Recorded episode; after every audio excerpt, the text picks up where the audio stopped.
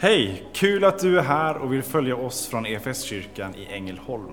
Du kommer nu att få se eller höra en predikan från en av våra gudstjänster. Har du några frågor eller vill veta mer om oss som kyrka så kan du alltid gå in på www.efskyrkan.info. Vill du ha tillgång till mer undervisning eller ta del av våra inspelade konferenser eller gudstjänster gå gärna in på vår Play-kanal, efskyrkan.tv.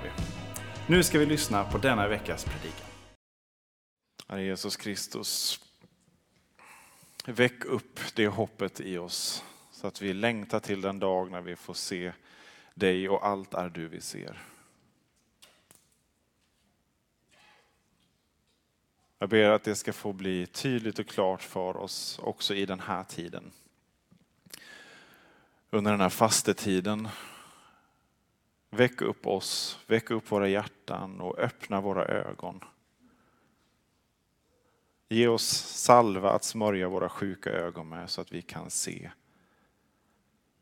Och vi ser ditt ord, att vi ser dig uppenbarad, att vi ser världen i ljuset av dig, att vi ser oss själva i ljuset av dig. Så att vi ser att även om vi lever i en ond tid så kan vi ha hopp. Därför att du har stigit ner i den här världen och inte lämnat den åt sitt öde. Så älskar du den här världen. Att du har utgivit din egen son.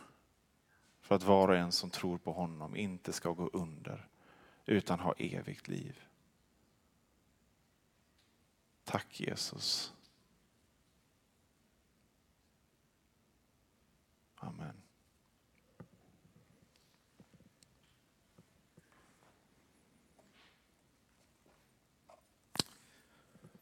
Mina vänner, vi kan ha hopp. Vi kan ha hopp också i en ond tid. Och man kan ju fråga sig då, för det första, lever vi i en ond tid? Ja, det gör vi ju. Vi har eh, Bibelns vittnesbörd om att den tiden vi lever i är ond. Det är onda dagar. Men också just nu så känner vi ju det lite extra. Och man kan fundera på vad det beror på. Ibland tror jag att vi har en tendens att överdriva vår egen betydelse, inte bara som individer utan också, ja men nu den här tiden vi lever i, den är speciell. Ja, den är ju speciell för att just den här tiden har ju aldrig varit innan. Och just nu är vi närmare Jesu återkomst än församlingen någonsin har varit. Så det är speciellt och det är fantastiskt. Men när det kommer då till det här med onda dagar så, så är vi liksom mitt uppe i allt det här. Om det så är den personliga kampen och, och omständigheterna eller om vi blickar ut över världen och vi ser eh, tillståndet i, eh, i Sverige och i, eh, runt om i världen. Så tror jag också att vi, vi kan tendera att, och överdriva och förstår inte hur illa det också har varit. Om du ska försöka vara lite pessimistiska. Det har, det har alltid varit jättedåligt. Och det kan vara lite trösterikt kan jag känna ibland när man övermannas av tidningsrubrikerna vi matar oss. Vi matar oss med så mycket information om vad som händer världen över och det är nytt för oss. Vi överväldigas av vetskap om hur illa det är på så många ställen samtidigt. Så kanske ska vi vara lite vaksamma där också. Med att överdriva vår egen betydelse också som eh, kanske kultur eller eh, och samtidigt så är det också, om vi, i alla fall om vi tittar närhistoriskt, så är det också lite värre nu. Vi kommer ur en tid precis där vi ändå hade i allmänhet mer hopp om den här tiden. Den eviga freden som man hoppades på. Nedrustningen efter det antikristliga Sovjets fall. Och så är det liksom som att allt det där är tillbaka och vi har eh, ett antikristligt eh, rike i Persien eh, som reser sig och som har sina tentakler ute i olika terroristgrupper Eh, och vi, har, vi ser förföljelsen av våra syskon i Kina och runt om i världen och förföljelsen av de kristna är nu värre än vad den har varit på länge. Om jag minns rätt så räknar man nu att var sjunde kristen i världen lever under förföljelse. För några år sedan så var det, om det var var tjugonde eller något i den eh, stilen. Så det, är, det är också en ond tid i jämförelse med det som har varit. Vi bor i ett land som har präglats av kristen väckelse på ett sådant sätt så att det verkligen har präglat hela landet. Institutioner, skolor, politiker. Där det var en mycket ond tid. Där hoppet inte riktigt levde om att kunna få ordning på, på det här torpet som kallas Sverige.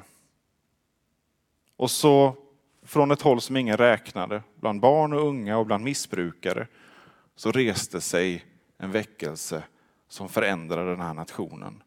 Och nu så är vi inte i det längre och har inte varit i det på decennier. Vi har fått se förnyelsevågor och lite så här, det har liksom sprakat till i kyrkor här och där, men, men den här samhällsomvälvande väckelsen, den har vi inte sett på länge. Vi har glömt vem Gud är och vi som är kristna, som ska hålla fanan högt, också vi tenderar att glömma vem Gud är.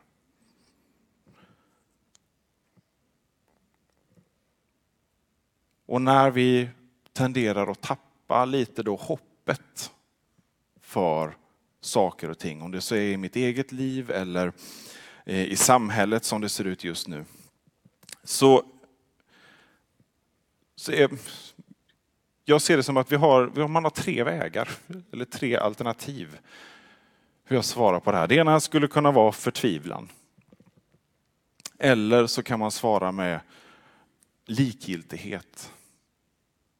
Eller så kan vi svara med hopp.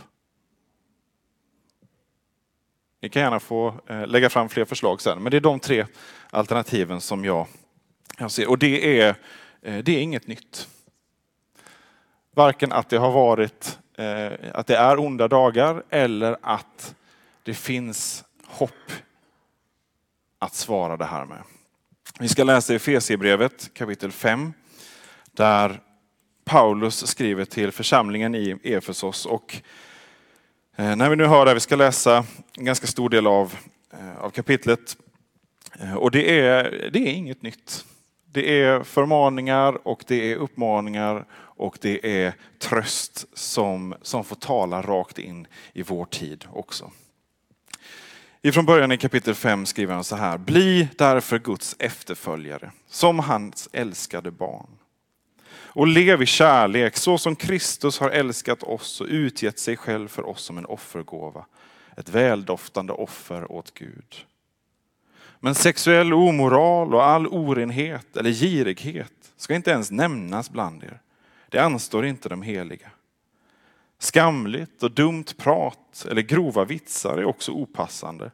Tacka istället Gud.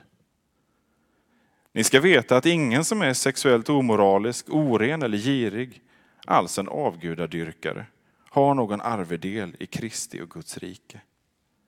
Låt ingen bedra er med tomma ord. Allt sådant gör att Guds vrede drabbar olydnadens barn. Har därför inget med dem att göra. Tidigare var ni mörker, men nu är ni ljus i Herren. Lev då som ljusets barn.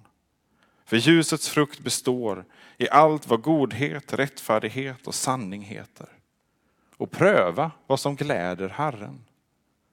Var inte delaktiga i mörkrets ofruktbara gärningar, utan avslöja dem istället. Vad de gör i hemlighet är skamligt till och med att nämna. Men allt som avslöjas av ljuset blir synligt, för allt som uppenbaras är ljus. Därför heter det, vakna du som sover. Stå upp från de döda och Kristus ska lysa över dig. Tänk alltså noga på hur ni lever, inte som ovisa människor utan som visa. Ta väl vara på varje tillfälle, för dagarna är onda. Var därför inte oförnuftiga, utan förstå vad som är Herrens vilja. Berusa er inte med vin, det leder till vårdslöshet. Låt er istället uppfyllas av anden och tala till varandra med salmer, hymner och andliga sånger. Sjung och spela för Herren i era hjärtan.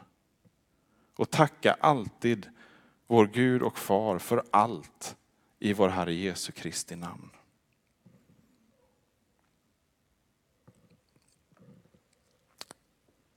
Vilken text va? Här får vi allt. Det är svart och vitt. Det är beskrivning av mörkret och de onda dagarna men också hoppet som vi har i Kristus. Han som är ljuset. Och när vi ställer de här mot varandra, de här tre vägarna som vi pratade om innan, så är det egentligen två vägar skulle jag säga. Vi har hoppet och det här med att möta istället då vår tid med förtvivlan eller likgiltighet. Det är bara två former av hopplöshet. Det är vad hopplösheten väcker i oss. Det första då att, jag ska tala om hoppet sen till största delen. Jag vill bara nämna någonting av det här för att försöka sätta ord på hur det kan bli. Att förtvivlan, det blir, eh, det blir den här desperata eh, förhållningssättet till när, när man känner att nej men nu, eh, nu går det inte. Och så eh, tar jag tag i saker, jag bara griper efter vad som helst. Eh, och så blir jag inte, jag prövar inte vad som är gott och vad som är håller, vad som är sant. Utan istället så eh, springer jag direkt på eh, snabba och enkla lösningar, löften om att, eh, att bara du gör så här eller så här eller följer den här och den här eh, så kommer det gå bra. Och inte sällan så kan man då, om man inte prövar vad det är man väljer för väg, hamna i rörelser eller hos människor som tyvärr utnyttjar den här förtvivlan, den här hopplösheten väldigt grovt. Det kan vara dyra kurser för Eh, att nå ett andligt uppvaknande eller för olika metoder för att hjälpa sig själv och så inser man att efter en kurs så löste det sig inte utan måste ta nästa och nästa måste köpa den här kristallen eller den här boken och den här boken.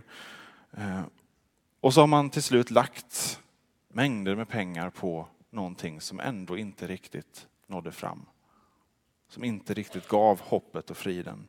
Eller det kan vara totalitära ledare, populister, falska lärare, eh, församlingar som knyter människor till sig och så visar det sig efter ett tag att man, man utnyttjar massan för sina egna syften. Snarare än faktiskt bygger någonting som bygger upp både människor och samhälle. Men när vi är desperata, när vi känner hopplösheten och vi närmar oss förtvivlan, då är det väldigt lockande med de här löftena.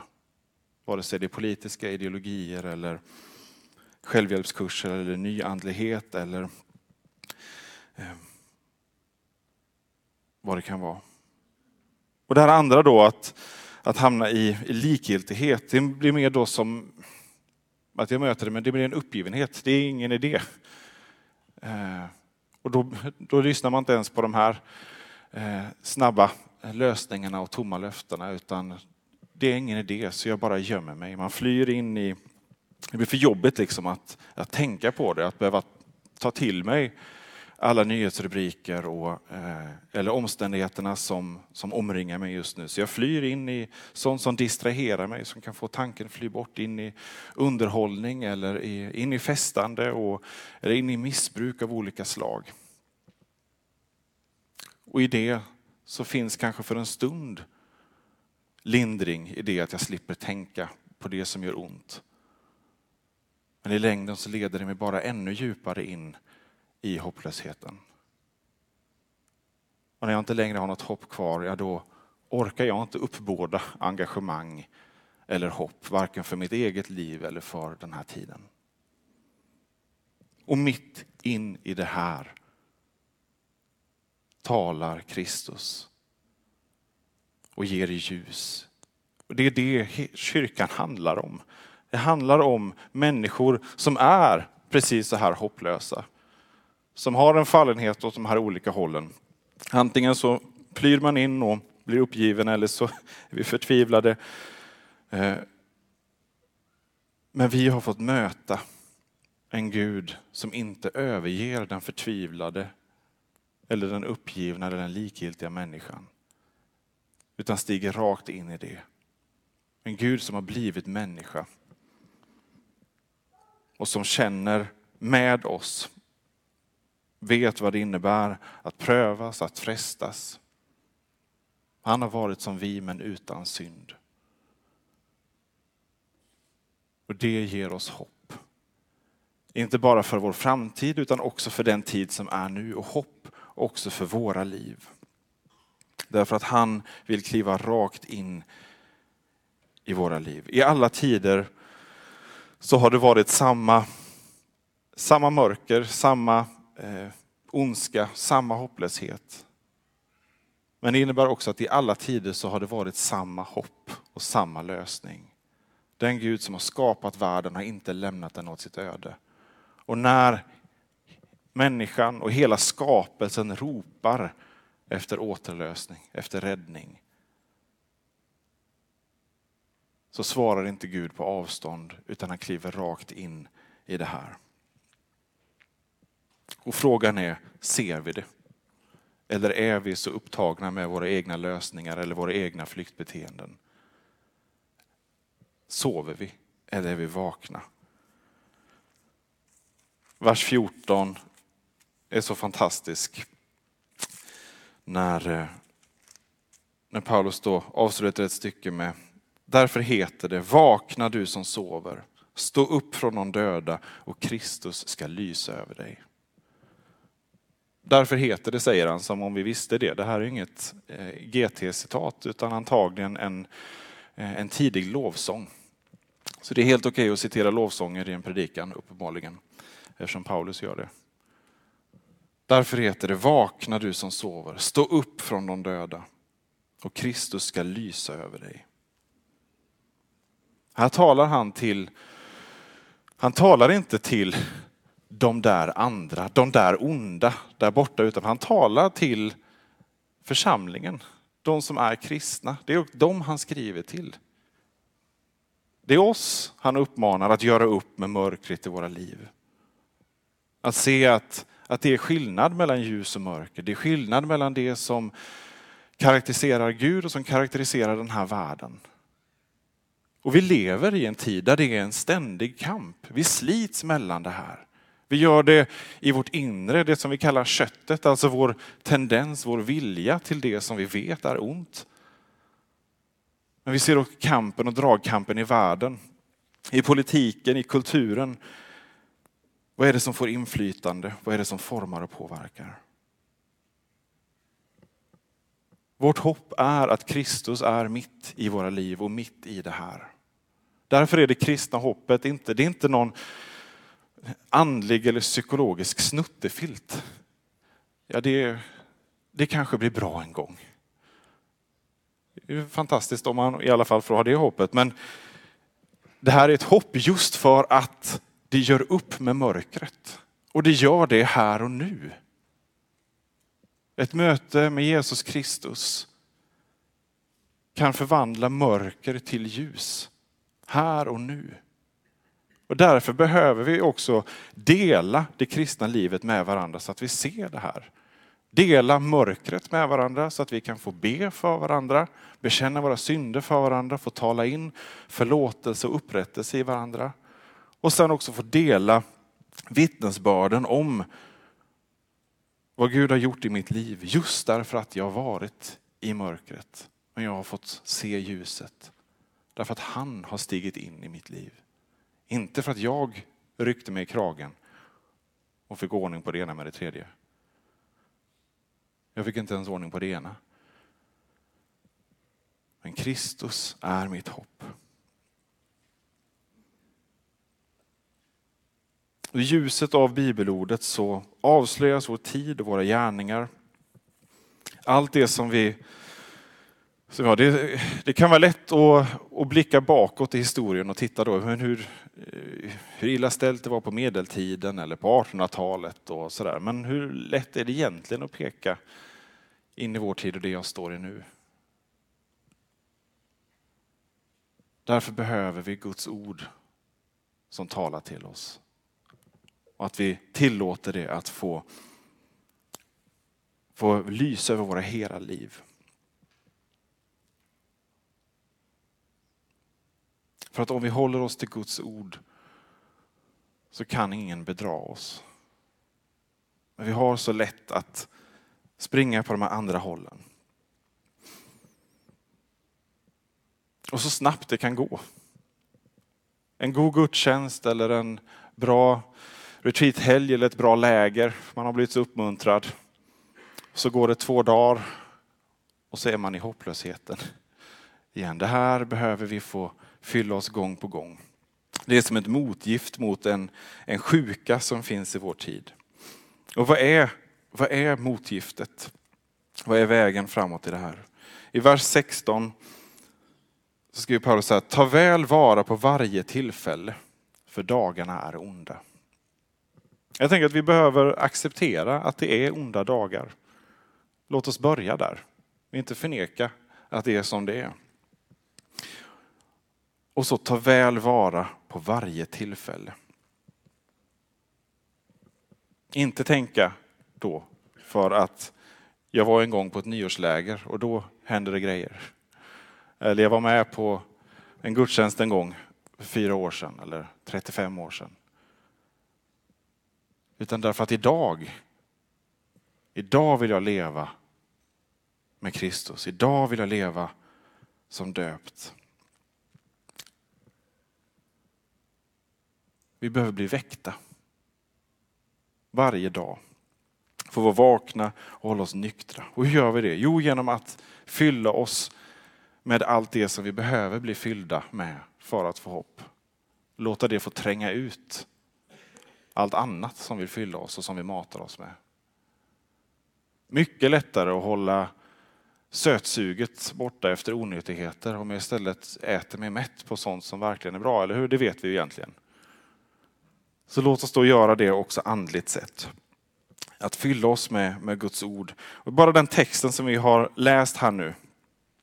Eh, 20 versar och så mycket gott som finns. Jag tänkte bara jag skulle räkna upp eh, alla sanningar och uppmaningar som vi precis har läst. Så får ni dem eh, på en rad, en att göra-lista. Kan man säga. Bli Guds efterföljare. Ni är älskade barn. Lev i kärlek. Kristus har älskat och utlämnat sig själv. Tacka Gud.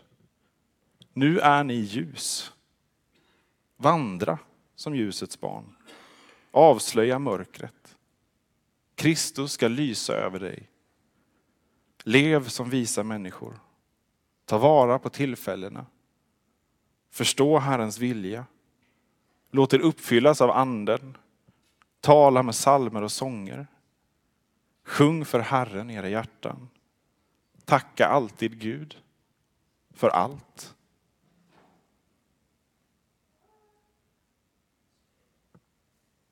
Om vi bara hade tagit de här uppmaningarna och sanningarna och talat ut dem varje dag. tror jag att mycket hade hänt. Och det här är bara en pytteliten del av bibelordet som har så mycket att få tala till våra hjärtan.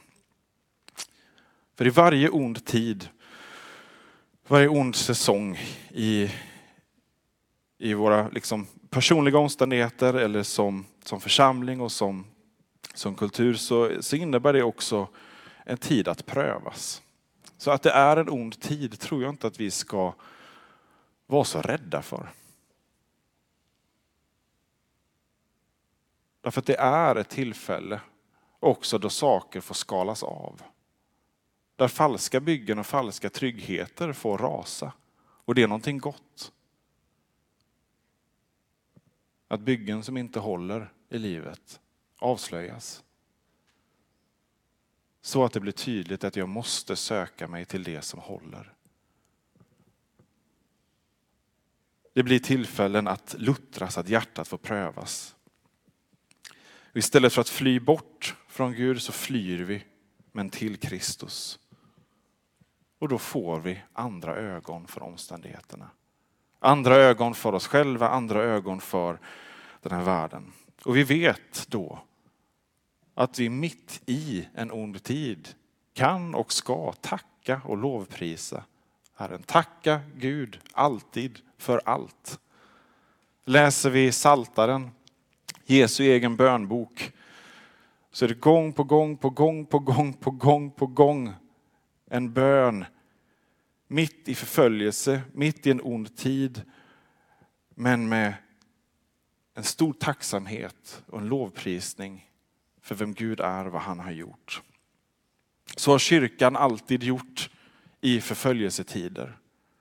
Det är tacksägelsen, tacksamheten och lovprisningen mer än något annat som har burit församlingen igenom förföljelse. Jag vet, det är inte, det är inte logiskt. Men det är berättelserna från apostlagärningarna och från kyrkohistorien att från fängelsecellerna så hörs lovsång. Maximilian Kolbe som tog en annan fånges plats i svältbunkern i Auschwitz. Tio stycken fångar. Det berättas om att det pågick ständig gudstjänst där inne. Det var gudstjänststämning. De talade till varandra med salmer, hymner och andliga sånger. Tacksamheten till Gud kan röja undan också de tyngsta hinder i våra liv. Ger oss ögon för omständigheterna på ett sätt som vi inte hade en aning om innan vi började leva i det här. Rosenius ger det i sin uppmaning till församlingen hur man ska be. Ja, man ska absolut be om förlåtelse för sin synd och man ska be för förbönsämnen, men först tacka Gud. Tacka Gud för den han är, för det han har gjort. Sven Reichman, en fantastisk själavårdare och författare, han skriver i sin bok Från Nimrod till Antikrist om just den onda sista tiden. En fantastisk historisk överblick och så talar han om vår tid och likgiltigheten, liksom hos församlingen i Laodikea i Uppenbarelseboken. Och så talar han om botemedlet mot likgiltigheten, tacksamheten. Att tacka Gud för den han är, för det han har gjort och också för det han kommer fortsätta göra. Helt plötsligt kan jag få syn på Guds kärlek och Guds omsorg för mig mitt under de här omständigheterna. Och när jag får syn på Guds kärlek, vad händer då? Jag får syn på den fullkomliga kärleken som också driver ut all rädsla och fruktan. Så låt oss, för att möta den här tiden, fylla på med allt det här. Låt oss fylla oss med Guds ord och öva oss på tacksamhet. Och låt oss också ta hjälp av varandra i det här. Vi har aldrig varit kallade till att gå ensamma. Vi har alltid varit skapade till och kallade till att tillsammans söka hjälp och hopp i Kristus.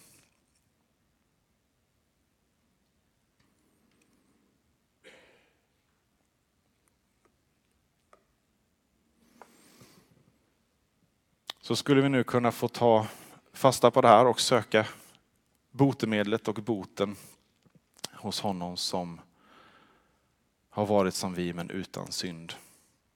Om man vill kan man få, eh, man kan få ställa sig upp eller sitta eller få böja knä och så får vi lämna över vår synd till Jesus och lita på att vi i utbyte får ta emot hans liv och förlåtelse. Som kyrka är det en glädje att få spela en liten roll av allt Gud gör i och genom ditt liv. Vi vill gärna fortsätta följa dig på den resan och vill du ta reda på vad ditt nästa steg kan vara på din resa med Gud så gå in på efskyrkan.info nästa steg. Vår längtan är att få se människor och samhällen förvandlade av Jesus. Genom en kyrka som återspeglar Guds hjärta, bär varandra och betjänar människor varhelst vi befinner oss varje dag.